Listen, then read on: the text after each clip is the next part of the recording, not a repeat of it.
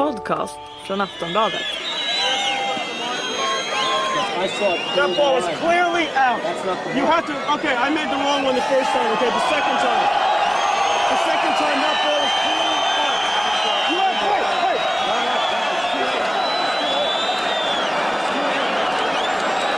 You let him at least look at the mark. That's too big a point for him not to look at the mark. Baby, be the class clown. I'll be the beauty new iPhone showing people out in a week, yeah. yeah. We're so happy, even when we're smiling out of fear. Let's go down to the tennis court and talk it up like yeah. yeah. Du lyssnar på Sportbladets tennispodd med mig Henrik Ståhl och Andreas Käck. Den här gången ska vi snacka om Rom såklart och Novak Djokovic triumf där när han slog Rafael Nadal i finalen. Eh, vi ska titta lite närmare på Franska öppna och sidningen där och i vanlig ordning kolla på spelarnas eh, formkurvor inför årets andra Grand Slam-turnering. I Nördkollen ska vi nörda ner oss i uttrycket shot selection. Och eh, avslutningsvis så ska vi ta tempen på svensk tennis. Prata lite om vad som har hänt på sistone och vad som händer framöver. Men vi börjar väl i Rom va? Ja, det tycker jag vi gör. Ehm, som sagt, seger för Novak Djokovic. Den fjärde raka för honom mot eh, Nadal. Och eh, ett kraftigt formbesked inför Franska öppna, får man ju lov att säga. Vi var ju oroliga inför Masters hur det egentligen låg till med Novak Djokovic skada. Men eh, Vi var ju det samtidigt som vi pekade ut honom som favorit till att vinna titeln. Vilket han ju nu gjorde. Ja, om han var frisk. Och det visade sig att han, han var frisk. Mm. Och eh, fick vi rätt i en tippning för en gångs Precis. skull. Tippningen har inte varit på topp. Nej, även om du hade rätt i Raonic i Madrid.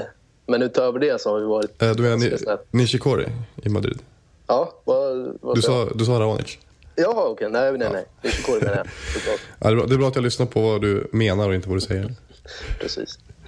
Eh, ja, nej men vad, vad, vad drar vi liksom för slutsatser av det här då? Eh, han hade en tuff tresetare mot Raonic i, i semifinalen. Annars så såg det ju väldigt kontrollerat ut så i finalen mot Nadal. Även om han förlorade det första setet så kändes det ju aldrig riktigt som att Nadal var nära att vinna matchen. Nej, eh, vi ska komma ihåg också att förhållandena i eh, Rom var väldigt speciella i år. Det blåste fruktansvärt mycket. Eh, vilket ju bland annat var en av anledningarna till att Roger Federer åkte ut i sin öppningsmatch mot Jeremy Chardy. Ehm, Djokovic, som vi vet, har ju extrema problem med att hantera eh, sådana här yttre omständigheter som just, just vind påverkar honom oerhört mycket.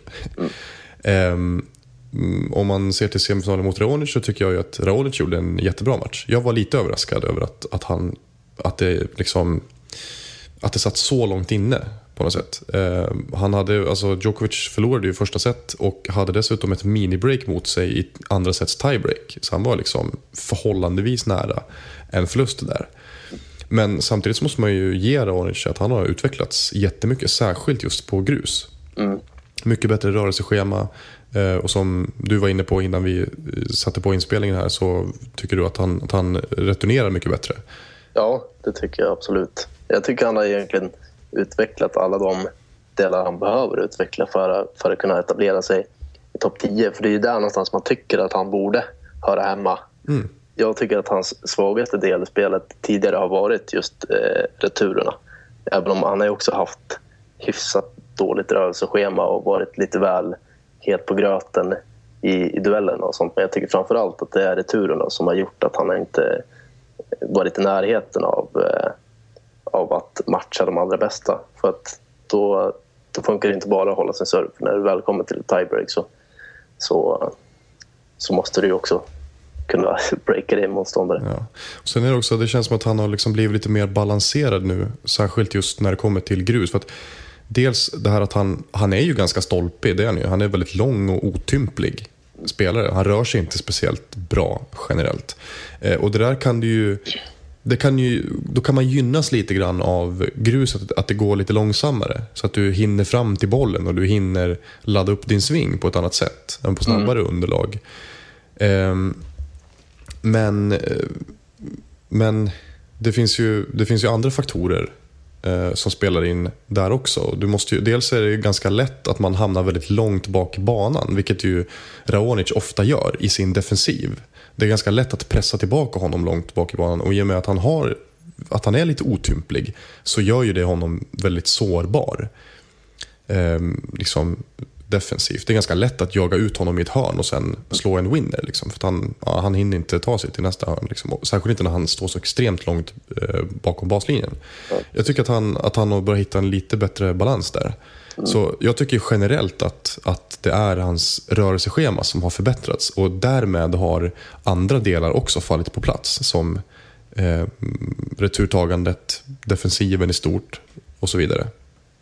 Ja, ja nej men eh, så här bra är han ju. Mm. Eh, och så här bra bör han också vara. Nu har han varit i kvartsfinal i, fyra av fem Masters-turneringar i år. Mm. Och det är egentligen precis vad jag tycker att man ska kunna förvänta sig av honom. Precis.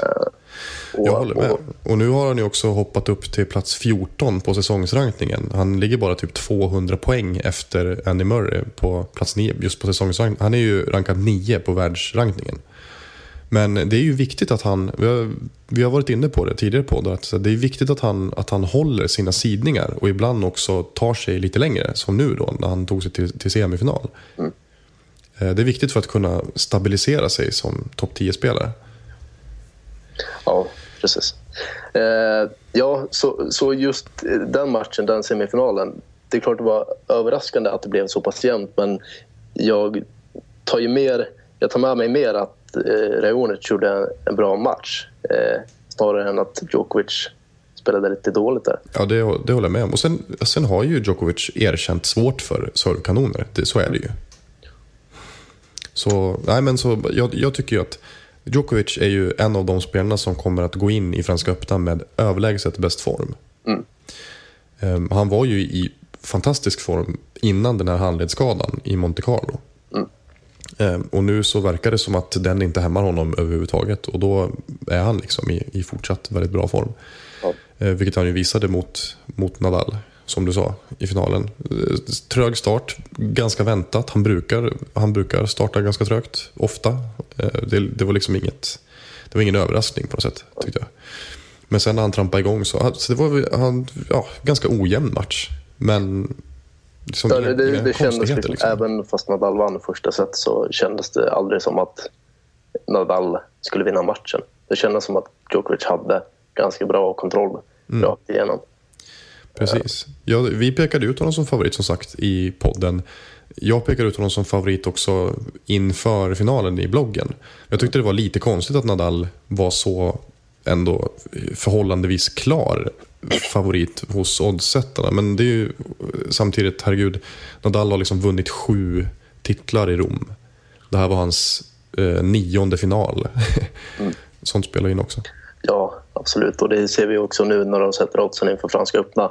Så är ju Nadal fortfarande favorit, om en mindre favorit än vad han var, var för en vecka sedan. Eh, och det beror ju inte på att han är i bättre form just nu än vad Novak Djokovic är. Och kollar man på senaste mötena så har Djokovic vunnit fyra raka. Men det beror också på att Nadal har vunnit åtta av de nio senaste eh, Roland Garros. Det är, ju, det är sånt som spelar in när de sätter odds. Och att, eh, att Nadal faktiskt har vunnit deras två senaste Grand Slam-möten. Ja, det är också. Sånt spelar också in. Det här är ju trots allt det är liksom Grand Slam och det är fem set. Jag tycker inte att det är konstigt att Nadal hålls som favorit av eh, oddsättarna. Sen kan jag förstå personer som pekar ut Djokovic som favorit, som person förut nu. Jag tycker det är jättesvårt. Jag tycker att det är jämnt mellan dem. Det står ju mellan, mellan de två. Det går inte att säga något annat. Sen, finns det, sen tycker jag att det finns lite fler utmanare än, än tidigare år. Som jag kanske inte liksom precis just idag kan man kanske inte se att någon av dem ska slå Nadal eller Djokovic. Men generellt känns det som att, som att det är lite mer öppet. Alltså det är mer, mer kan hända i år. Ja, jo men så är det ju. Och det beror ju på att det är bättre spelare underifrån. Och får du liksom Dimitrov, eh, Rajonic, Nishikori i en kvartsfinal eller, eh, eller liknande så ska du absolut inte känna dig säker. Även fast du heter Novak Djokovic eller Rafael Nadal. Det, är, det är där den stora skillnaden ligger just nu. Så är det, absolut. Men jag, jag har ju varit inne på det ganska länge att jag, jag tycker att det är dags för Novak Djokovic att vinna Franska öppna. Eh, just för att det är så... Det, det, det, man ska inte kunna vinna en turnering nio gånger av tio egentligen när det är så pass hård konkurrens i toppen Nej. som det har varit i flera år. Just därför så, så känns det bara som att det är dags för Djokovic att äntligen få vinna i, i Paris. Eh, och frågar du mig idag så håller jag nog honom som favorit även om jag förstår att Nadal är oddsmässig favorit. Men om jag tvingas välja just idag så säger jag att Novak Djokovic vinner. Det måste jag nog göra. Ja, ja, jag har som sagt full förståelse för det, men jag har jättesvårt att göra en... Alltså det, är så här, det är så mycket faktorer man, som man ska ta hänsyn till på något sätt. Och när jag liksom försöker måla upp ett scenario. Jag var ju inne på Djokovic, att det var hans tur redan förra året egentligen. När han pekade ut liksom Franska öppna som hans stora, stora mål. Och han var så himla nära. Han var faktiskt så himla nära. Så nära har ingen varit sen, sen Nadal förlorade mot Söderling 2009. Det var verkligen så nära som någon spelare någonsin har varit eh, att slå Nadal.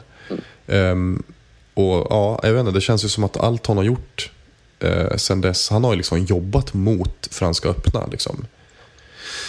Så att, ja, jag vet inte, jag tycker att det är väldigt, jag har jätte, jättesvårt för att, jag säger väl så här spontant att jag typ tycker att Nadal är så här knapp, knapp favorit. Men sen, det kan ju stå helt på ända när man ser lottningen eller när de har spelat x antal matcher på Roland Garros. Du vet, det är ju mycket Ja, alltså- dagsform. Det, det brukar ju alltid hända saker, så är det ju. Eh, nu, nu står vi här, vi spelar in den här podden på tisdag. Franska öppnan börjar på söndag. Och eh, nu har vi Novak Djokovic och Serena Williams eh, som kommer från en färsk titel i Rom där det är väldigt lika förutsättningar underlagsmässigt och, och så vidare. Även fast det blå, blåste mycket nu och sånt. Men, men, eh, och då är det återigen så att vi går in i en slam och känner på förhand att Djokovic och Serena Williams är eh, de stora favoriterna, eller stora favoriterna. Williams säger det i alla fall på damsidan, skulle jag säga. Jo, och precis. jag, jag tycker att Djokovic är det på, på eh, här sidan också. Men eh, det är väl så att de har aldrig vunnit eh, samba Grand Slam. Rätta mig om jag har fel, men det, jag har för mig att det är så att jag ofta tänker att okej, det här vinner Djokovic och Serena. Mm. Och det har aldrig hänt, tror jag inte. Nej, nu när du säger, jag har faktiskt, jag har faktiskt aldrig tänkt den tanken själv. Men eh, Därför, nu, nu när du säger det så är det, det skulle väl typ vara, nej. Nej, kan- jag är nej. ganska säker på att det inte har hänt. Du, du kan hända att vi får skit här om jag har fel. Men Ja. Nej, men jag, jag- är nog 90% säker på att de aldrig har vunnit samma. Jag tror faktiskt att det stämmer. För att, Alltså samma år då. nej, exakt. För, nej, men det stämmer nog. För att eh, Serena Williams, hon har inte vunnit eh, Australiska öppna sedan 2010. Ja, precis. Och hon vann inte 2008. n- När Djokovic gjorde det. Sen har ju liksom Sen har ju Djokovic vunnit el- 2011, 2012 och 2013. Eh, nej men du, det stämmer faktiskt. De har aldrig, de har aldrig vunnit en slam. Eh, samma slam. Och Serena vann ju US Open 2012 och 2013 och Ja. Djokovic vann 2011. Ja, exakt. Så ja, Och 20, Ja. 2011 så vann ju inte Serena Williams någon slam överhuvudtaget. För det var ju hennes stora ja mm, liksom svarta plump i protokollet Ja. på något sätt. precis. Men det, det är ju anmärkningsvärt. Eh, Och det gör också att jag tror att den trenden kommer hålla i sig. För jag vet att jag ofta eh, reflekterat över att det är så. Så nu, har- nu svajar du ändå lite i ditt tips här. Nej, men jag håller kvar Djokovic som favorit och så säger jag att Serena Williams inte kommer vinna Franska öppna. Ja, ja men det, det tycker jag ändå låter, på något sätt så låter det mer troligt. För att eh, som vi, alltså, det här med att Serena Williams överhuvudtaget ställde upp i Rom kom ju lite som en chock. Och som du nämnde innan vi började spela in, att liksom, eh, hon själv sa att hon var förvånad över att det gick så himla bra i Rom. Ehm, det, ja, det känns som att ah, det finns ändå, på, just på grus också, så finns, det finns fler generellt spelare som kan hota henne på grus än på andra underlag. Ja, precis. Alltså, eh, hon kan ju trots allt ha sådana riktiga bottennapp som hon hade mot eh, Razzano för två år sedan, va? I franska. Precis, Eh, 2012. Ja.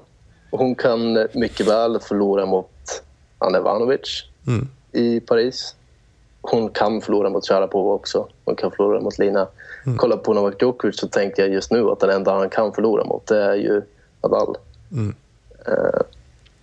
Ja, spontant känns det ju så. Och sen är det ju jättesvårt.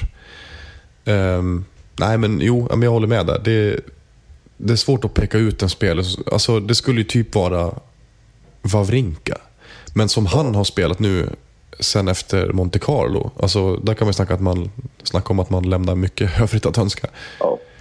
Ehm, jag vet inte, jag, det, det kanske är lite förhastat att säga att Wawrinka är i en formsvacka. Men han har ju, alltså det är ju två ganska ordentliga magplask. Ja. Han har svarat för nu. Först Pereriba i Madrid, som är bara helt bisarrt. Och sen nu då så torskar han mot Tommy Haas i, i Rom. Och där skyllde han ju på att han hade ont i ryggen. Så att han hade en, en, liksom en mild ryggskada. Som inte var så allvarlig, han skulle bara behöva vila några dagar. Men alltså, ja nej. Det, Det, det, det var väl förresten eh, Dominic Thiem i... eh, ja förlåt, ja absolut. Absolut. Det, Pereriba slog väl eh, Ferrer, eller hur det var? Ja, så kan det ha varit. Ja, så. Ja. Ja, Men precis. oavsett, Theme, två, såklart. två äh, magplask, som du säger, Mm. för äh, Wawrinka. Jag tycker ändå att han är någonstans att räkna med Ja, i Paris. Det, det känns som. det ska man, om man ska plocka ut, eh, jag försökte plocka ut någon slags topp fem eh, och det slutade med liksom så här, Nadal Djokovic på någon slags liksom etta, delad etta eller så. Eh, eller som jag då sätter så här, Nadal knapp etta, liksom, Djokovic två. Så blir det ju typ så här, Wawrinka trea, Kei Nishikori fyra och sen så här Jokkmokks Jocke. topp fem. Ja. Nej, men jag, håller med. jag håller med. Han är ju den som trots allt har bevisat att han, han pallar liksom fem set mot eh, Djokovic och, och liksom kan göra match av det även i ett femte avgörande. Mm. Det har ju inte Raonic eller Dimitrov visat än. Nej, precis. Jag ska bara lägga till också att Jokkmokks Jocke är såklart ironiskt. Inte minst med tanke på att han inte lever längre. Men det var mest bara för att liksom poängtera att det, det typ finns egentligen inte en femte spelare som man på förhand kan säga. Jag menar alltså, ja, visst, vi kan säga att, att Roger Federer har, har kapacitet att störa. Liksom. Men alltså, det är ju inte troligt att han skulle gå och vinna Franska öppna 2014. Ja, det, det kan man ju inte vara säga. En jättesensation i Ja, så fall. på samma sätt som att så här, David Ferrer har kapacitet att gå hyfsat långt och ställa till det för vissa spelare. Liksom. Han skulle kunna ta sig till en, en eh, ja, åtminstone en, en kvartsfinal kan man tycka. Kanske till och med en, en ny semifinal. Liksom, eller, ja, så. Men eh, nej, det finns ju inte liksom fem personer som man tycker så här, när, när det gäller Kei Nishikori, om han är hel och frisk så har han ju faktiskt spelet att utmana toppspelarna. Sen ska han bara ha fysiken för det också. Ja. Och det är ju samma sak med Wawrinka. Det har ju han ju redan bevisat i Grand Slam-sammanhang. Så att det är klart att man måste räkna med dem på något sätt. Man kan ju inte räkna ut dem fullständigt. Nej. Det är så Nej, absolut. Jag håller med. Snarare. Det är liksom, vi sitter inte här och säger att Wawrinka ska slå Nadal. vi sitter bara och säger att det är inte en, det är inte en fullkomlig omöjlighet att det skulle kunna hända. Nej, precis. precis. Eh, nej, men, eh, lite, lite kort på, på damsidan, hur det ser ut Mm. där tänkte jag. Eh, Du tänker på sidningen eller? ja, och också formmässigt. För Mm. Absolut. det, det som eh, är värt att notera nu inför Franska öppna är ju att det är bara Serena Williams som fick ett formbesked Mm. i, eh, i Rom. Alltså eh, av de som är toppkandidater till att vinna i franska. Mm. Annars så var det ju liksom ett bakslag för Lina. Det var ett steg bakåt för eh, Sharapova. Eh, ett fall framåt såklart för Anna Ivanovic som jag flaggat för Mm. eh, den senaste månaden. Men så därför är det inte konstigt att Serena Williams är jättefavorit. Nej, nej men så. Så är det. Jag skulle också vilja notera att eh, Simona Halep är världsfyra och alltså kommer att gå in som semifinalsidad i Franska öppna. Vem hade trott det för ett år sedan? Liksom? Ja, Det är ju fantastiskt. ja det är det. Vilken otrolig utdelning hon har fått nu på så extremt kort tid. Ja. Det, jag tycker det är oerhört kul. Och det är liksom, jag ser det som troligt att hon faktiskt kan hålla den sidningen dessutom. ja, varför inte? Alltså, det hon har haft en trend den här säsongen är att när hon har gjort resultat i stora tävlingar så har hon följt upp det med ganska dåliga resultat i de kommande två turneringarna. Nu, var- nu drog hon ju sig ur eh, på den andra rundan här på grund av skada eller sjukdom eller vad det var Mm. i Rom. Precis. Så det kanske vi inte ska dra några kopplingar av. Nej, Men så det har var det tidigare i alla fall. Lite samma, lite samma med Lina också, om jag bara får flika in det. Att hon sa sig ju ha varit sjuk under sin eh, förlustmatch Ja, mot Sara Errani. ja, jag sa hon att hon hade spytt innan matchen? Eller Ja, efter? exakt. Hon hade, gått upp, hon hade vaknat och mått helt okej. Sen hade hon käkat pasta och inför matchen hade hon spytt. Och hon visste inte om det var citat allergier eller, eller matförgiftning. Nej. Det var tydligen mycket pollen i luften i, i Rom, har jag hört. Jag vet inte om det var något som kan ha påverkat. Men det, annars känns det väl som att det var något mat. Det är väl det mest troliga. Precis. Hur som helst, eh, Lina eh, ska vi heller inte räkna bort inför franska. Vi vet ju vilken hö- högsta kapacitet hon har. Precis. Också intressant att Sara Errani eh, visar form och att hon faktiskt går till final i, Rom. Det är ju inte så verkligen. ofta italienarna gör det, även fast man alltid har den känslan av, att Mm. hon lyfts liksom, av den hemmapubliken. Ja, det var ju 30 år sedan sist. Typ. Ja. Som en, men, och det var också så här, jag, jag har ju tyckt nu lite så här inför varje turnering att ah, men nu känns det som att Rani är lite på gång. Och sen har hon åkt på en så här värsta stjärnsmällen. Liksom. Men, men nu var hon faktiskt på gång. Sen var det väl, alltså det var ju turligt på något sätt att hon tog sig förbi Lina. Men eh, sen gjorde hon en bra match mot Jelena Jankovic. Jag tycker i och för sig att Jankovic var riktigt dålig i den matchen. Eh, Alltså hon, hon, hon fortsätter ju att lägga krokben för sig själv så himla mycket. Jankovic. Men, men ja, oavsett så kan man inte ta ifrån Erani det. Liksom. Hon tog sig till final. Sen var det ju jättetråkigt att hon åkte på den här skadan. Eh, liksom mitt under matchen och blev nollad i, i andra set mot Williams i finalen. Ja. Även fast hon hade ju inte vunnit den matchen. Nej, hon hade ju förmodligen inte stört Nej. Williams heller. Liksom, hon, har ju inte, hon har inte spelet för att kunna göra det egentligen i grunden. Nej. Så det ska man väl vara, vara ärlig med. Liksom. Ja. Ehm, Hon har ju, bara lite kort om Errani innan vi går vidare. Hon har ju eh, sagt nu, och man säger det också, att hon försöker lägga om sin serv eh, för att kunna serva hårdare, helt enkelt. Hon inser väl att hon måste göra det för att, för att kunna komma tillbaka till, eh, till toppen. Eh, men det har väl inte eh, gett några resultat hittills. Och inte mer än att så här, det ser väldigt lustigt ut. Ja, precis. ja, men det tyckte jag det var värt att nämna i alla fall. Mm. Så nästa gång ni kollar på hennes matcher så håll utkik då efter hennes servrörelse. Det ser ganska roligt ut. Ja, det, det ser nästan ut som att, det ser inte ens ut som att hon är på väg att serva. Det ser ut som att hon liksom typ håller upp racketen för att så här, du vet, Ja. notera för motståndaren. Bara, ah, så här, nu kör vi. Du vet. Ja. Det var konstigt. Eh, roligt. Men eh, om vi ser på sidningen på damsidan där inför Franska öppna. Så är det väl egentligen inga större konstigheter än att Simona Halep faktiskt för egen maskin är, eh, är fjärde sidad. För nu, eh, alltså Victoria Azarenka som är världsfemma, hon har ju inte spelat nu på ett tag och står över Franska öppna. Men i och med nu att hon klättrade upp till fjärdeplatsen så hon är ju världsfyra och är därmed också fjärde sidad av egen maskin. Ehm, sen har vi ju Kvitova, ehm, femte sida. Jag vet inte, det, alltså den enda som påverkas av att Azarenka ehm, inte är med, det är ju Angelique Kerber som då blir kvartsfinalsidad. För hon är världsnia och hoppade upp till liksom, att bli åttonde sidad. Eh, och det kan ju vara bra för henne. Jag tycker hon har ju liksom börjat trycka upp sig lite grann nu efter säsongen 2013. Men hon har ju inte nått, nått upp i samma nivåer som 2012. Nej, det har hon inte gjort. Så hon behöver ju få med sig resultat liksom för att ja, för att få, ja, hon behöver få lite mer flyt. Liksom, så. ganska tung smäll, smäll ändå för Cibulkova att inte vara kvartsfinalsida med tanke på att hon inledde säsongen så bra och att eh, hon, hon, hon kan ju spela på grus också. Absolut. Och det här är säkerligen en som, som hon hade velat gå långt i. Nu, nu känns det som att hon är lite grann på dekis, eller åtminstone på väg neråt. Jag tycker inte alls att hon känns som en contender inför franska. Jo, men absolut. Det, det håller jag med om. Um, sen har vi ju... Det är ju ingen mer som, eh, som faller ifrån, förutom Victoria Azarenka och de sidare. Så det, det innebär ju att Sabine Lisicki klättrar upp på eh, och blir 16 sidad.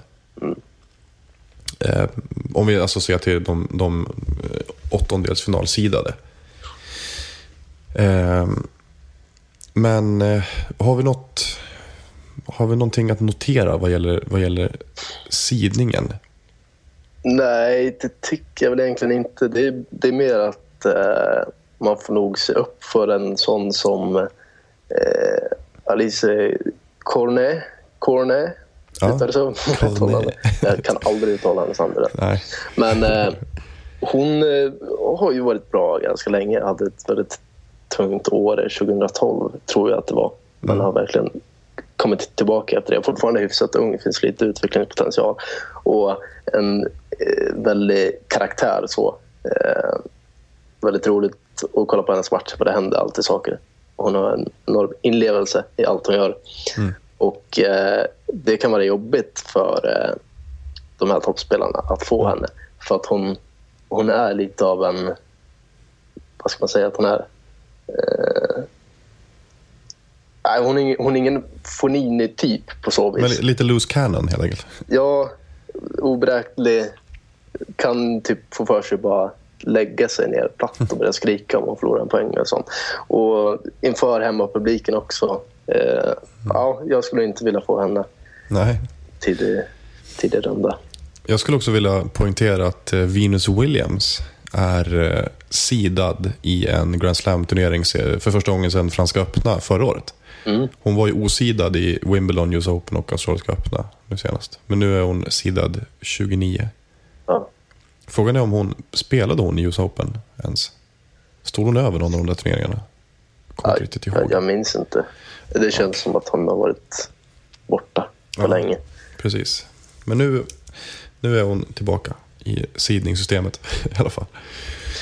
Ja, Eh, och alltså, det, det är klart att man inte vill få henne i en lottning. Alltså, de som har varit med på touren länge Precis. ser ju någonstans henne som eh, alltså ett skräckenjagande namn Mm. ändå. Och vissa av de här spelarna är ju det är positivt för, för liksom toppspelarna att vissa av de här spelarna är sidade. Som typ så här Venus Williams som man inte vill ha i en... Man vill inte råka få... Säg att hon skulle vara så rankad 50. Henne vill man ju inte ha i en, en första runda liksom. Nej, verkligen inte. Ehm, så det är ju liksom... Det gynnar ju toppspelarna att slippa dem. Samma med så här... ah, Svetlana Kuznetsova som är 27 sidad. Också väldigt oberäknelig. Eh, hon har ju väldigt hög liksom, Ja. maxkapacitet. Sen, så, sen att hon... Liksom, vad, vad är det du brukar säga? Att hon, att hon har psyke som en fyraåring.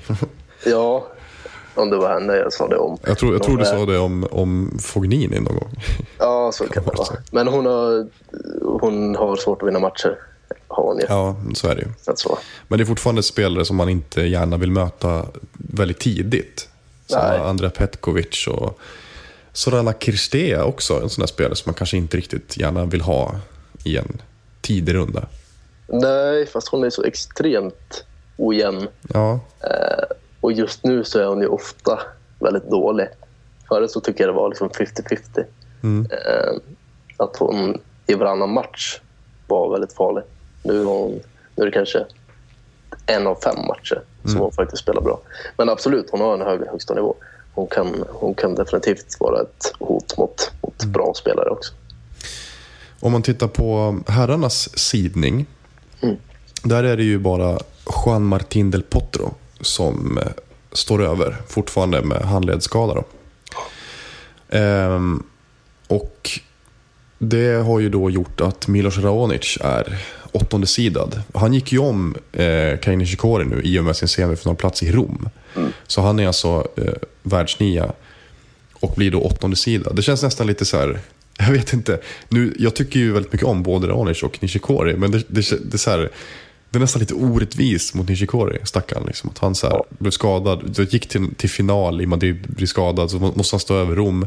Och då, liksom, ja, men då seglar Raonic om honom. så, Ja. så att, eh, men, men oavsett det kan man ju säga liksom att ehm, om man ser till sidningen och hur sidningen fungerar, om vi bara liksom drar ner lite, lite kort på, lite enkelt eh, i, till åttondelsfinaler. Så är det ju så att det, vi, det det handlar om när vi säger att man är semifinalsidad, det är ju till exempel att ja, Roger Federer som är fjärde, rankad fyra och då sidad fyra. eh, Han kan ju inte möta Rafael Nadal eller Novak Djokovic förrän i en semifinal. Så är det. För att ettan och tvåan lottas mot trean och fyran i semifinal. Likaså lottas ettan och fyran mot femman och åttan i kvartsfinal.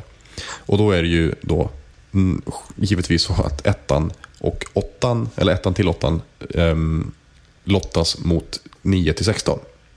Men då är det också så att det är en liksom liten lottning inom den lottningen. Och då är det ju så att, eh, att spelarna som är, som är sidade 1-4, de lottas mot spelarna som är sidade 13-16. Och 5-8 lottas mot spelare som är 9-12. Och det innebär ju alltså att Raonic som är sidad 8 eh, kan åka på typ Kei Nishikori i en, en åttondelsfinal. Och då är det så, tar, man då till exempel de spelarna då som är um, 5, 6, 7, 8 på sidningen. Det är alltså Ferrer, Berdych, Murray och Raonic. De kan alltså åka på Nishikori, Isner, Dimitrov eller Gasquet. Och där får, I en åttondelsfinal alltså. Och där får man väl säga typ att ja, Isner är väl kanske en drömlottning att få i en åttondelsfinal. Det är inte troligt att han hänger kvar så länge ens. Nej. Och han har och- ju envisats än en gång med att spela Nice. Ja, precis. Jag vet inte varför han, han tycker det är en bra idé. Nej, det, det är ju inte många som tycker det. Nej. um, Likaså Gasquet, Richard Gasquet, han ju, har ju dragits med skador hela säsongen. Så han kan ju också vara lite av en, en drömlottning för några av de här killarna. Sen är det ju alltså eh, spelarna 1 till och med 4. De lottas ju alltså mot eh, Tsonga, Fognini, Jusjny eller Tommy Haas. Och ja, det skulle väl typ vara Tsonga, skulle jag känna. Som, som, alltså han, nu, jag, vi har ju pratat om att vi har tyckt att han har varit på gång. Men det känns inte som det riktigt. Det tar inte fart liksom för honom. Eh, och han fortsätter tappa mark på rankningen. Ja, och även om man såklart lyfts av eh, publiken i Paris så känns det som att han helt enkelt är i för dålig form för att kunna göra något här. Eh, och det är lite farligt. Han har ju poäng att försvara här. Så det kan det bli att han dalar ytterligare på rankingen om han skulle åka ut tidigt i Franska. Så är det Jag tror ju... Det känns ju som att den som kommer vinna, eh, eller de som kommer vinna mest eh, på den här, liksom i den här turneringen poängmässigt. Det känns ju som Andy Murray som inte har några poäng alls att försvara som han stod över förra året. Och eh, Tomas Berdych som åkte ut i första rundan förra året. Ja, just det. Och därmed bara har 10 poäng att försvara. Så att han kommer nog kunna spela in en del färska poäng. Ehm, men eh, ja, Tsonga å andra sidan som nu är liksom rankad 14 och har 720 poäng att försvara. Det kommer ju snarare bli ett tapp där istället. Ja, så är ju känslan. Absolut.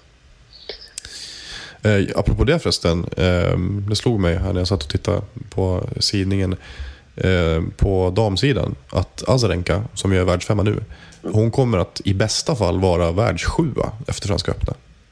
Ja. Eftersom hon har 900 poäng att försvara. Men det är nästan ett troligare scenario att hon är typ ja, rankad 8-9. Ja, så kan det mycket väl bli. Hon har ju inte spelat någonting den här säsongen i stort Nej, sett. knappt. Så ja, det är ju smällen som, som blir då. Men det, det är tråkigt när det blir så. Ja. Att, att skador... Så, och, och, och andra, åt andra hållet så är det ju nästan helt sjukt att Del Potro, han kommer inte att, att gå miste om några poäng alls. Han kommer, ha, han kommer fortfarande ha sina 4125 poäng. Och han har knappt spelat någonting den här säsongen, känns det som. Också. Han har ju liksom... Ja, han har inte fått med sig några resultat, åkt ut tidigt i Australiska öppna och sen har han varit skadad. Liksom. Men han spelade ju in så oerhört mycket poäng andra halvan av 2013. Ja, det är lite eh, parentes bara. Ja, ja men eh, jag också nämna att Dolgopolov åkte ur första rundan i fjol. Mm. Precis. Så eh, han skulle kunna plocka lite poäng här. Gulbis åkte ut i andra rundan så Mm. han har också chans att plocka lite. Eh, en annan kul grej. Roberto Bautista Agut är eh, sidad i en Grand Slam-turnering för första gången i karriären. Inte alls orättvist på något sätt. Nej, absolut inte. Han har gjort en jättebra säsong. Verkligen. Och så har vi ju Vasek Pospisil som har, går in i turneringen med sju raka förluster. Typ. Nu vet jag inte om han eh, spelar i någon av turneringarna som pågår nu. Nice eller Düsseldorf, men jag tror inte det. Ja, Jag har inte riktigt grottat ner mig i de turneringarna. kanske att han spelar i Düsseldorf då. Mm, kanske. Jag är inte helt säker. Nej. Det känns som att han kommer att... Eh, han kommer inte vara sidad i så jättemånga Grand Slam-turneringar till. Nej, det, det tror jag inte. Känns det som. Nej, han spelar nog inte i Düsseldorf. Nej, det gör han inte. Eh, Hur som helst, eh, måste nämna en grej också. ehm, Eh, jo, just det. Taylor Townsend fick eh, wildcard Mm. eh, direkt in till main draw. Och eh, det är kul, hon har vunnit två raka futures nu. Det är en tjej som det snackas rätt mycket om i, i USA framförallt, där hon ju kommer ifrån. precis. Fått ganska mycket skit för sin eh, fysik. Hon är lite överviktig så, men hon har ett extremt spännande spel. Hon är inte som de andra unga löftena, att hon bara slår hårt. Liksom. Mm. Utan hon, hon har ett speciellt spel. Hon har väldigt fina händer framme vid, vid nät och sånt. Och det är något nytt. Liksom. Mm. Så eh, henne kommer jag vilja kolla på om man visar hennes matcher. Mm. Eh, ja, Ja, så henne, henne tycker jag att man ska hålla ett öga på. absolut. Det är en mycket bra notering. Sen, hop- sen ehm, hoppas vi ju på stordåd från de, de yngre spelarna. Nick eh, Kyrgios, han fick ju wildcard direkt Ja. in till turneringen. Eh, Dominic Thiem kommer inte behöva kvala, Nej. för han är så pass högt rankad. Det är ju faktiskt helt otroligt att han är liksom rankad, vad är han nu, 58 eller sånt där. Ja, något sånt. Jag tror jag skrev om det nu alldeles eh, nyss, så noterade jag. Ehm, för övrigt väldigt intressant också, att han är ju den, han är ju den eh, spelare 21 år eller yngre som är överlägset bäst just nu om man ser till liksom, rankningspoäng. Vet du vem som är eh, tvåa på den listan? Oj. Eh, Din favorit, Jack Sock. ja, Han har ändå dragit in en del poäng alltså. Om man, liksom, eh, om man ser till ehm, vad ska, alltså, säsongsrankningen för, för spelare 21 eller yngre. Han ligger, då ligger han tvåa där på sina 288 poäng ändå som han spelar in. Eh, Dominic Thiem då, han har alltså spelat in 429 poäng. Så det är liksom inte riktigt dubbelt så mycket men ändå. Så har vi Jiri Vesely, eh, trea på den listan. Nick Kyrgios, fyra. Ja, men det är bra. Det är bra. Ja men det är absolut bra, bra utdelning. Också en, eh, ett Jag hoppas att han får komma hit eh, skadefri då. Ja. För han har haft lite strul med det den här säsongen också. Absolut. Eh, också glädjande, apropå det, det är ju att eh, svenska Elias Ymer ligger på plats 39 Ja, på liksom, eh, ja, U21 säsongsrankningen om man ska säga. Och då är ju ändå Elias bara 18. Det är inte jättemånga spelare på den här listan som är så unga. Det är typ han och ja, fyra till som är liksom 18 eller yngre. ja mycket bra. Och då menas det som är ovanför honom. Så att det, ja. Men eh, vad säger du Andreas? Är det dags att börja snacka shot selection? Ja, det Ja. tycker jag. Det tycker jag. Vi, eh, vi snackar ju ganska ofta om det. Eh, dels när vi hyllar spelare som Andy Murray för att han har en så himla bra shot selection. Eh, vi brukar också prata om det när man, när man pratar på liksom ett, ett taktiskt plan inför matcher eller liksom när, man gör, när man gör analyser efter matchen också. Att eh, ofta så när man hårdrar det så brukar man ju bara liksom se det som att okay, han spelade aggressivt och han spelade offensivt, han spelade defensivt och så vidare. Men det är ju mycket mer komplext än så. Och då skulle jag bara vilja börja med att dra Andy Murray återigen som ett exempel på väldigt bra shot selection. Som vi vet så har ju han, han är ju inte jättebra på grus. Och om jag skulle vara tvungen att så här, på ett generellt plan ranka honom som grusspelare så skulle han ju typ så här, knappt platsa topp 20. Det är ju det att han är en så otroligt bra spelare för överlag i grunden. Det är ju det han vinner så mycket på. Eh, men eh, nu tycker jag att i, i Rom framförallt och framför, i synnerhet då i matchen mot Nadal så visade han prov på liksom sitt, sitt enorma taktiska kunnande. Ja, För han där- spelar hur bra som helst. Absolut. Och där var det ju så här, det ju, pratas ju mycket om, återigen när man som pratar om det mer generellt så här, och mer allmänt, att ja, men han spelar mer aggressivt. Och ja, det gjorde han. Han spelar mer aggressivt än han, än han kanske normalt brukar, särskilt på grus. Men det är ju inte bara liksom att han spelar mer aggressivt, det är ju hur och framförallt när han spelar mer aggressivt. Och det är ju det att Murray är ju i grunden en defensiv. Alltså han är ju en defensiv specialist. Liksom. Eh, Men tack vare sitt spelsinne och liksom sin speluppfattning så alltså han, jag menar, det är ju inte som att han inte har några offensiva kvaliteter, kvaliteter överhuvudtaget. Det har han ju. Han har ju väldigt bra offensiva kvaliteter. kvaliteter. Men det som jag imponerades som allra mest av, det var ju just hans, hans avvägningar. Han kunde ju liksom faktiskt vara väldigt defensiv och låta, han lät Nadal driva på spelet. Men i, liksom, han, var så, han har en så säker defensiv så att han hela tiden kunde hänga med i spelet och till slut så kom luckan där han kunde liksom kliva fram och klämma på. Eh, och där såg vi ju, när det gäller just shot selection, eh, så pratar man ju en del om, alltså, ten, de, de internationella tenniskommentatorerna brukar ju prata om, om eh, construction of point, liksom, alltså hur man, hur man bygger upp poängen. Och det handlar ju egentligen om att eh, när man pratar om det här med liksom att diktera spelet, då handlar ju inte det bara enbart det handlar inte om att en spelare ska stå och pumpa på liksom, typ, och slå offensiva slag och den andra bara försvara sig. Det är ju inte det det handlar om. Det är ju inte det det handlar om när till exempel Andy Murray styr spelet. Utan det handlar ju om att eh, man styr spelet in så... Alltså, att man styr spelet så att det passar en själv. Och i det här läget till exempel så passade det Andy Murray att vara defensiv långa stunder och vänta tills det kom ett läge där han kunde kliva fram. Där han kunde slå, alltså där han kunde slå en, en mer aggressiv, ett mer aggressivt kontringslag och liksom kanske fånga Nadal på lite fel fot.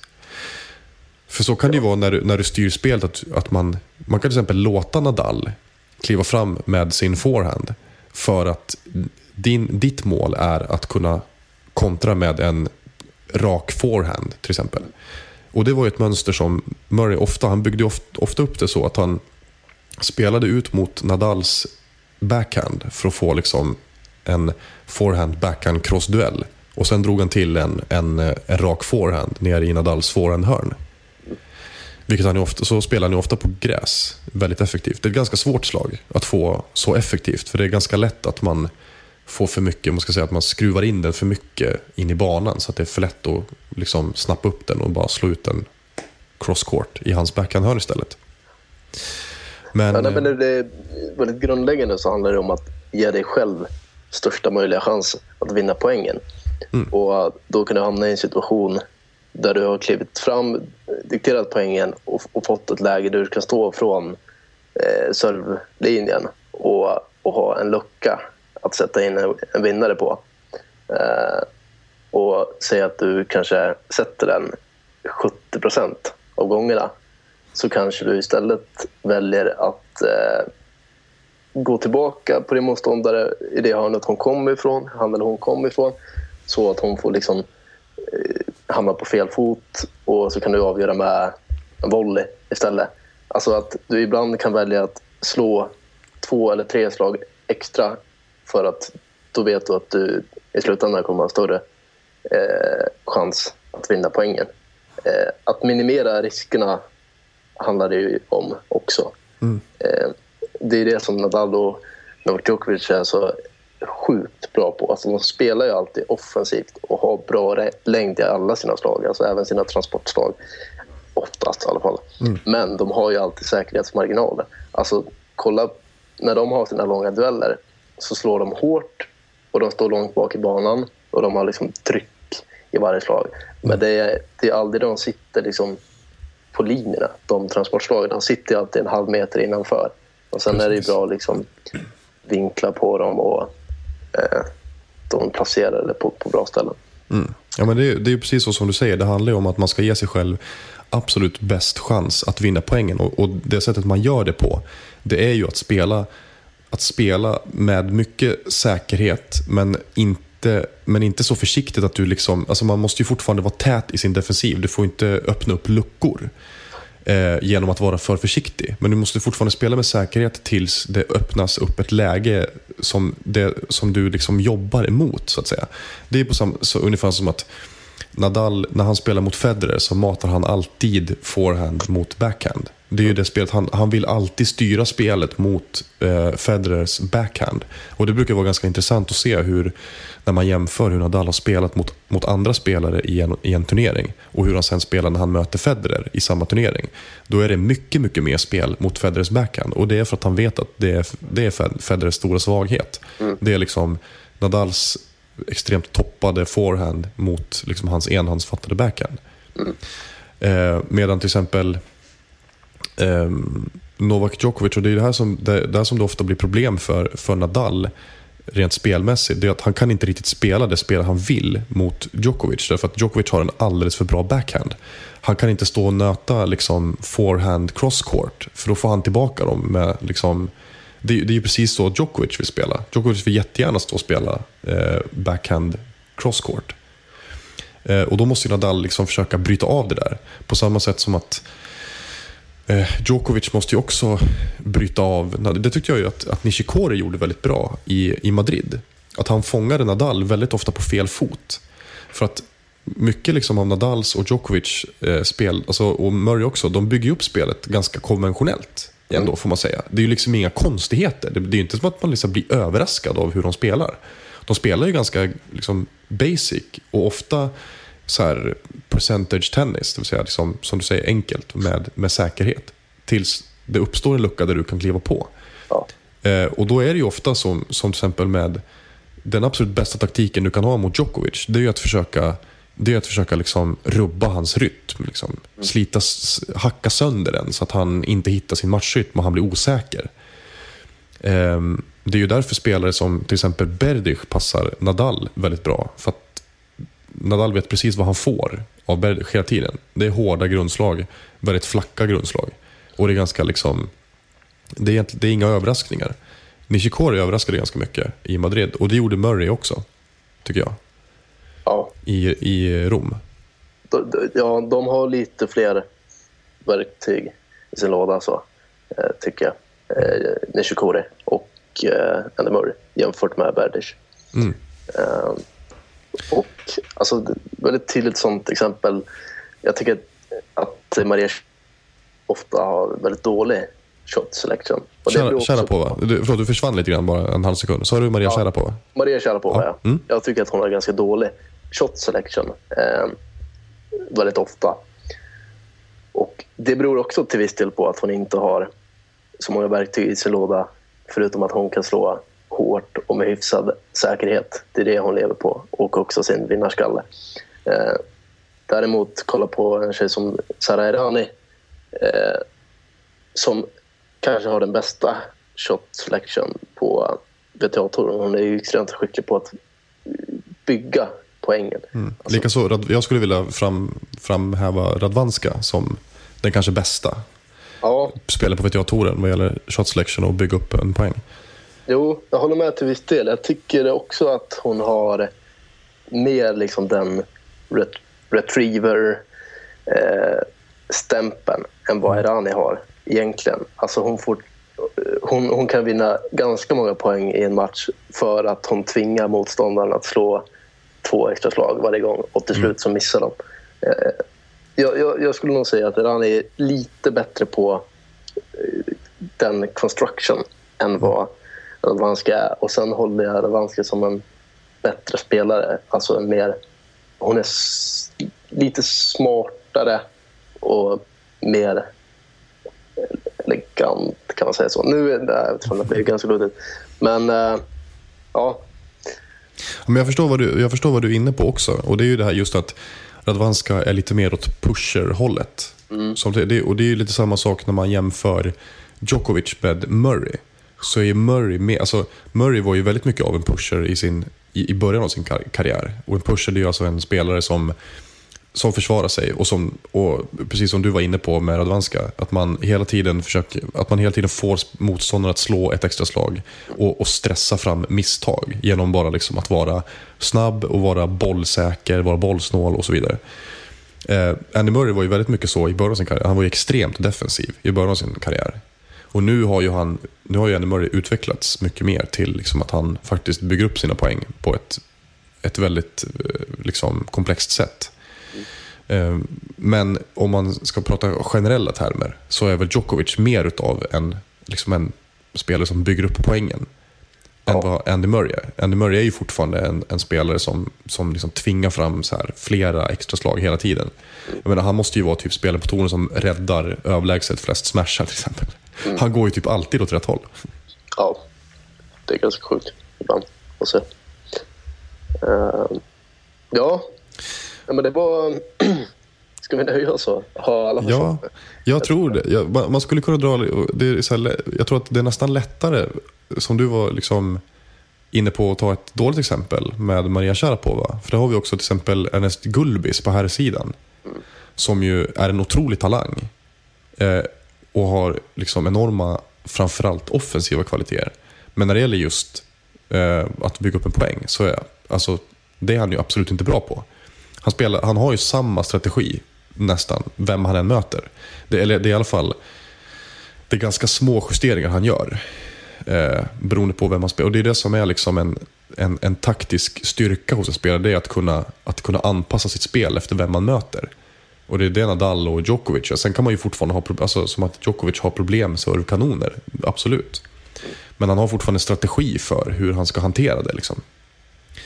Ehm, och ehm, där skulle jag också vilja fram, liksom, ta, ta fram Raonic. Några få exempel på hans dåliga shot selection. Särskilt när han är satt under press. Ehm, eh, egentligen två exempel. Ett exempel när han inte satt under press. Så försöker han ju ofta att, att spela väldigt aggressivt i sitt försvarsspel. Eh, om, han, om kommer det liksom en boll som är så här, som är typ en tillstymmelsen till en liten chans att gå fram på, kliva fram på, då gör han det. Och han missar väldigt ofta. Sen tycker jag det var ett, ett det har han blivit bättre på nu, men för några år sedan så var det när han blev, när han blev pressad ut, ut i sitt backhandhörn, Då försökte han alltid att slå eh, liksom en backhand-sving eh, som kontringslag och missade jämt. Istället för att liksom dra en slice bara för att hålla bollen i spel. Och det är ju exempel på, på liksom poor shot selection, dålig shot selection. Eh, när du väljer att försöka slå en, en winner som du vet att okej, men chansen att jag klarar det här är typ 20%. Men jag, jag testar ändå, istället för att dra en slice som du liksom, där chansen är 90% att du får in den. Ja. Ehm, Men alltså jämför Nadal och Djokovic med eh, Sharapova och Serena Williams så är ju Nadal och Djokovic, de har ju en mer, alltså de har alltid en taktik inför sina matcher oavsett vem de möter. Eh, så, så förändrar de sitt spel lite, även om det alltid är de som dikterar ofta. Eh, både Maria Sharapova och Serena Williams har ju sällan en taktik. Deras taktik är att bara bomba på, stå där och styra och ställa. Och så vet de att de vinner matchen nio gånger av tio så länge inget eh, konstigt händer. Liksom. Eh, Så de är ju sämre på att bygga poäng. Så. Det, det, är bara, det beror på att de är, de är sjukt duktiga spelare. De slår jävligt hårt och, och är väldigt säkra. Det är därför de vinner matcher och för att de har sina tävlingsskallar. Men alltså, varken Serena Williams eller Maria Sharapova är ju speciellt smarta spelare så. Nej, nej. Ja, men det är absolut. Och det var, jag tyckte det var, jag håller visserligen inte med om det, men jag läste på Twitter, eh, kommentatorn eh, Rob König, heter han väl, som kommenterar för eh, Tennis TV. You have got to be kidding me, som han alltid säger. Men ehm, eh, han skrev det så här, typ att han tycker att det är ett klassiskt miss missförstånd att de bra spelarna alltid höjer sig i avgörande lägen. Han menar att de riktigt bra spelarna de ligger kvar på samma nivå medan de lägre rankade spelarna sänker sig för att de liksom känner, känner av pressen. Det håller inte jag riktigt med om, men det, han har ändå en liten poäng där. Och så är det ju med till exempel så här, Sharapova. Att när Sha- Sharapova är i underläge, det är ju inte som att hon gör några så här jätteavgörande taktiska avvägningar. Liksom. Ja. Det är inte som att hon styr om sitt spel fullständigt och går liksom från tokintensiv offensiv till liksom jättebalanserad percentage tennisdefensiv. Liksom. Det är ju ofta så liksom, att hon bara biter ihop och så kör hon på. Och så kan hon ja, ta sig vidare den vägen. Hon som har krigat sig kvar. Ehm, och som du säger med Nadal och Djokovic, de har ju alltid liksom en tydlig strategi. Sen att den inte alltid når ända fram, ja så är det ju alltid med allt. Liksom. Men eh, Jag menar, om, om man heter Novak Djokovic och möter, eh, ja, ska vi ta Per Riba, bara för att du sa honom förut. ja, Och om Riba har breakboll för att vinna första set, då, då vet ju Djokovic att om han håller den här bollen i spel, han kan ju hålla bollen i spel liksom, eh, länge. Och då måste Riba chansa och hoppas på att få in den. Djokovic vet ju att så länge bollen är i spel så, är jag, så har jag en jättestor chans att vinna poängen. Eh, jämför då med Serena Williams så, så tycker jag oftare det är att hon, hon, hon bara kör. Mm. Och så är det ju med många liksom, mindre rutinerade spelare eller eh, liksom, som inte riktigt har samma, samma psyke som Nadal och Djokovic. Att då försöker de istället, när de har matchboll mot sig eller de är i ett så här väldigt avgörande läge, då tar de jättehöga risker. Ja, precis. blir det är det- de känner att de måste göra för att de vet att eh, Djokovic kommer inte missa. Jag måste stå, vi måste ha 50 bollväxlingar för att han ska göra ett misstag. Så därför måste jag avgöra poängen genom att chansa och liksom bara typ blunda, skjuta och hoppas på att den sitter i krysset i stort sett. Eh, det är lite det som är. Jag tyckte Djokovic vi- visade lite tendenser på kass på, eh, shot selection i Rom. Eh, faktiskt mot Nadal. För det var i något game som han hamnade i underläge 0-30 typ. Då försökte han sig på att spela serve and volley. Typ. Och så gick han fram på nät i lägen som var skitdåliga. Alltså han typ drog en approach shot som inte var så bra. Men så går han ändå fram på nät och så blir han passerad. Eller så liksom slår Nadal en, ett slag som han inte kan ta. Eh, då, jag kallade det lite, lite liksom sarkastiskt för Boris-effekten. Men, eh, men det tycker jag, så att jag, det har jag kunnat se ibland hos honom överhuvudtaget. Ibland när han är i underläge i game, i alla fall särskilt i sin egen serv, så försöker han sig på lite konstiga saker. Men då slår det mig också att han gör ju aldrig så när, när det är avgörande lägen. Liksom. Nu gjorde han så när han hade ett break. Liksom. Ehm, och det var så här, ja, ja, han, han testade något nytt lite grann. Lite så. Men ja, jag vet inte. Ibland tycker jag ändå att, att Djokovic kan, kan svaja i sin... I, Ja. sitt, Jo. liksom, takt, på, på det taktiska planet. Inte lika mycket som, eh, alltså det är väldigt tydligt med Federer i fjol. Mm. Han var inne i sin värsta svacka där. Att eh, när han hamnade i underläge så var det verkligen så att han tryckte på panic på dem. Mm. Och sen så bara servevolley hela tiden. Alltså andra serve fram på nät hela tiden. Verkligen. Mm. Absolut. Men men, Men men, spännande, spännande. Nu hoppas vi att, att alla som lyssnar vet allt om shot selection och eh, construction of point. Men eh, ska vi avsluta med att prata lite, lite svenskt? För det, det var ju en, en svensk turnering som avslutades i söndags. Eh, där vi ju i förra podden lite felaktigt, lite felaktigt, väldigt felaktigt råkade, Väldigt säga, felaktigt. väldigt felaktigt råkade säga att Christian Lindell redan var utslagen. Ja, Men eh, det, var, det var han ju inte. Han vann ju den turneringen. Ja, det var, vi kollade lite slarvigt bara på Ja. the draw sheet här. Eh, men han kan ju såklart inte slås ut mot Trinker i och med att båda var sidade. Så precis. där hade vi fel. Och så hade vi fel, eller jag hade fel när jag sa att jag inte trodde på en svensk seger. Jag hade jättefel, för det var en hel svensk final mellan just Lindell och eh, Rosenholm. Precis. Där Lind- Lindell vann den i raka set. Mm. Väldigt bra form nu. Andra Future-titeln på svensk mark i år. Ehm, men Rosenholm också går ju framåt, får man säga. Han har ju liksom inte... Det känns ju som att han försvann ju ganska mycket efter, efter den här skrällen mot Gamma Fiss i Stockholm Open 2012. Så ja, han hade väl lite skador och sådär. Sen känns det inte som att det riktigt har tagit fart förrän nu. Mm. Men eh, det är kul. Ja, Att det liksom...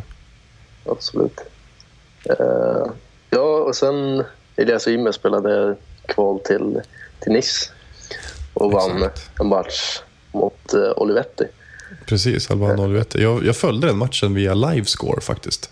Eh, det var lite kul för att jag har en, en bekant som bor i Italien eh, som inte kan betta, för det är tydligen olagligt där. Så att han kommer båt typ en, en betting-sajt med odds. Så då ville han att jag skulle skicka odds till honom. Eh, så han kunde se. Och då, då pratade vi lite om det där med, med Ymer och Olivetti och så tyckte han att men, han, han skulle spela några hundringar på Ymer som stod i typ 2,70 gånger pengarna. För han tyckte att Ymer hade en bra chans. Um, och jag kände väl så att jo, men alltså sett till vilka han hade kunnat åka på i det kvalet. Det är som ett ATP-kval. Han hade kunnat åka på mycket, mycket värre spelare. Men och som Olivetti har ju en, eh, en monsterkörare, det vet vi ju. Ehm, och är liksom en etablerad Challenger-spelare. Eh, lirar en del på ATP-nivå också. Men på grus är han ju kanske inte livsfarlig. Liksom. Men oavsett det, en imponerande seger tycker jag. Han Ja, tappade ju första set absolut. med 2-6. Och vinner sen. Liksom, nästan. Och då var det ändå så här, ja, nu, nu kunde jag inte se matchen på riktigt för det fanns ingen tv-sändning. Men när man kollade livescore så fick Elias ändå slita ganska hårt i sina egna servegame. Det var väldigt många servegame som var 40-40, han hade breakbollar mot sig och sådär. Medan Olivetti bara liksom dan, ofta så dansade sig igenom sina servegame. Sen var det liksom ett game i andra set som Olivetti svajade och så liksom fick Elias med sig ett break. Så det, det där är ju faktiskt en, det är ju en jättebra förmåga att få med sig segrar. Eh, även när man liksom kanske... Alltså nu, kan ju, nu kan ju inte vi säga att han var i spelmässigt underläge, det är omöjligt för att vi såg inte matchen som sådan. Men liksom om man ser till siffrorna. Ehm, så alltså, det är faktiskt en jätte, jättebra förmåga. Det tycker jag är, är ett positivt besked från honom. Ja, absolut. Och sen förlorade han, tog två game sen mot Anthony Wake i, Ja. i nästa. Precis. Det var väl kanske inte jättebra.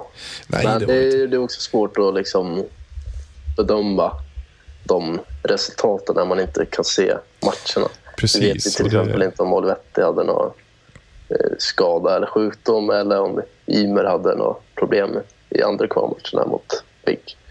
Nej, det, det enda vi, vi vet det är ju att eh, den andra kvalmatchen spelades ju bara några timmar efter att första hade avslutats. Ja, och det, det, vet så. jag inte. Det är ju, alltså det kan, menar, Elias är ju bara 18 år gammal. Liksom. Det är klart att han inte är i... Alltså hur mycket han än tränar så kan inte han vara i samma fysiska skick som, som äldre spelare som är mer rutinerade. Så är det ju. Det är ett av de stora problemen för de yngre spelarna. Att de ligger så mycket efter i fysiken. För att tennisen är så, så fysisk nu för tiden. Det, det, tar liksom tid eh, att liksom bygga upp sin fysik. Men eh, så det, det vet vi inte om det kanske var så att han, att han var trött och sliten liksom, efter den här matchen. Det är jättesvårt att säga. Det är klart att ser man på resultatet så är det inte så, så, det är inte så kul. Eh, att torska så, så stort med så, med så stora siffror mot en sån spelare. Men ah, jag vet inte, jag tycker ändå liksom att, att på det hela taget positivt. Och jag tycker på något sätt också att det var rätt av honom att testa ett ATP-kval istället för Challenger. För att när liksom, de här ATP-turneringarna inför Grand Slams, eh, de är ju, alltså, särskilt de här turneringarna den här veckan, det är ju inte mycket att hänga i julgranen. Nej. absolut inte. Alltså, om man kollar sidningen i Düsseldorf så är det en patetisk turnering. är det ju. Ja, ja. Men, eh, men, men. Alltså, Det är så det är. Ja, men jag tycker så här, även om man, det är lätt att liksom säga i efterhand att så här, ja, men det där var väl inte så smart, han kanske skulle ha kört en Challenger istället. Men vi vet ju inte, han kanske gjorde bedömningen att han skulle ha liksom marginellt bättre chans i en Challenger. Och ja, men då är det, då är det, jag tycker så här, det är väl rätt att bara testa liksom, för att få den erfarenheten också. För att jag menar, han får nog inte några så här jättemycket bättre chanser i andra ATP-turneringar under året. Nej, Mm. precis. Nej, jag håller med. Jag tycker det var helt rätt. Kul med båda Immer-bröderna nu också. Alltså Mikael, han är 15 år gammal fortfarande, väl? Ja, han fyller 16 i år, om han inte redan Ja. fyllt. Ja, precis. Och han eh, stod ju upp riktigt bra mot eh, Bastian Trinker som jag eh, höll som favorit i den F3 Future i Båstad. Tog set till och med mot Trinker. Eh. Trinker har liksom vunnit mot många hyfsade Challenger-spelare Mm. i år. Tagit set av eh, Thomas Bellucci och lite sånt. Så det är nej, kul att se. Alltså. Ja, absolut. Och det, ja, men jag tycker det är kul överhuvudtaget att se att det liksom börjar hända lite grann på, på svensk eh, sidan där med Rosenholm och Lindell och Ymerbröderna. Mm. Så ja, ja men det är spännande. Nu händer det väl inte så jättemycket. Eh, det är inte så många svenskar ute i hetluften den här veckan. Nej, det är det ju inte. Vi får eh, ladda för fullt in, inför Franska öppna Mm. istället. Helt enkelt. Precis. kanske börjar bli dags för oss att sy ihop, eh, knyta ihop säcken. Mm. Ja, då kan vi, då kan vi avsluta med att, eh, att eh, hinta om att vi, vi med största sannolikhet har en hemlig gäst i nästa avsnitt. Det kan bli något. Vilken cliffhanger. Vilken cliffhanger, eller hur? Måste de ju lyssna på nästa podd. nu måste alla lyssna på nästa podd. Ja, och det tycker jag ni ska göra för det, det kan bli bra. Det kan, det kan bli en riktigt, riktigt bra podd faktiskt. Ja. Det kommer bli en specialpodd. Vi kommer ju säkerligen att spela in en eh, liksom inför, alltså lite mer på djupet inför Franska öppna, eller hur? När lottning och allt sånt kommer också. Men sen blir det liksom en specialpodd med den här hemliga gästen. Det blir riktigt schysst. Ja. Med det sagt, du har lyssnat på Sportbladets tennispodd med mig, Henrik Ståhl och Andreas Käck.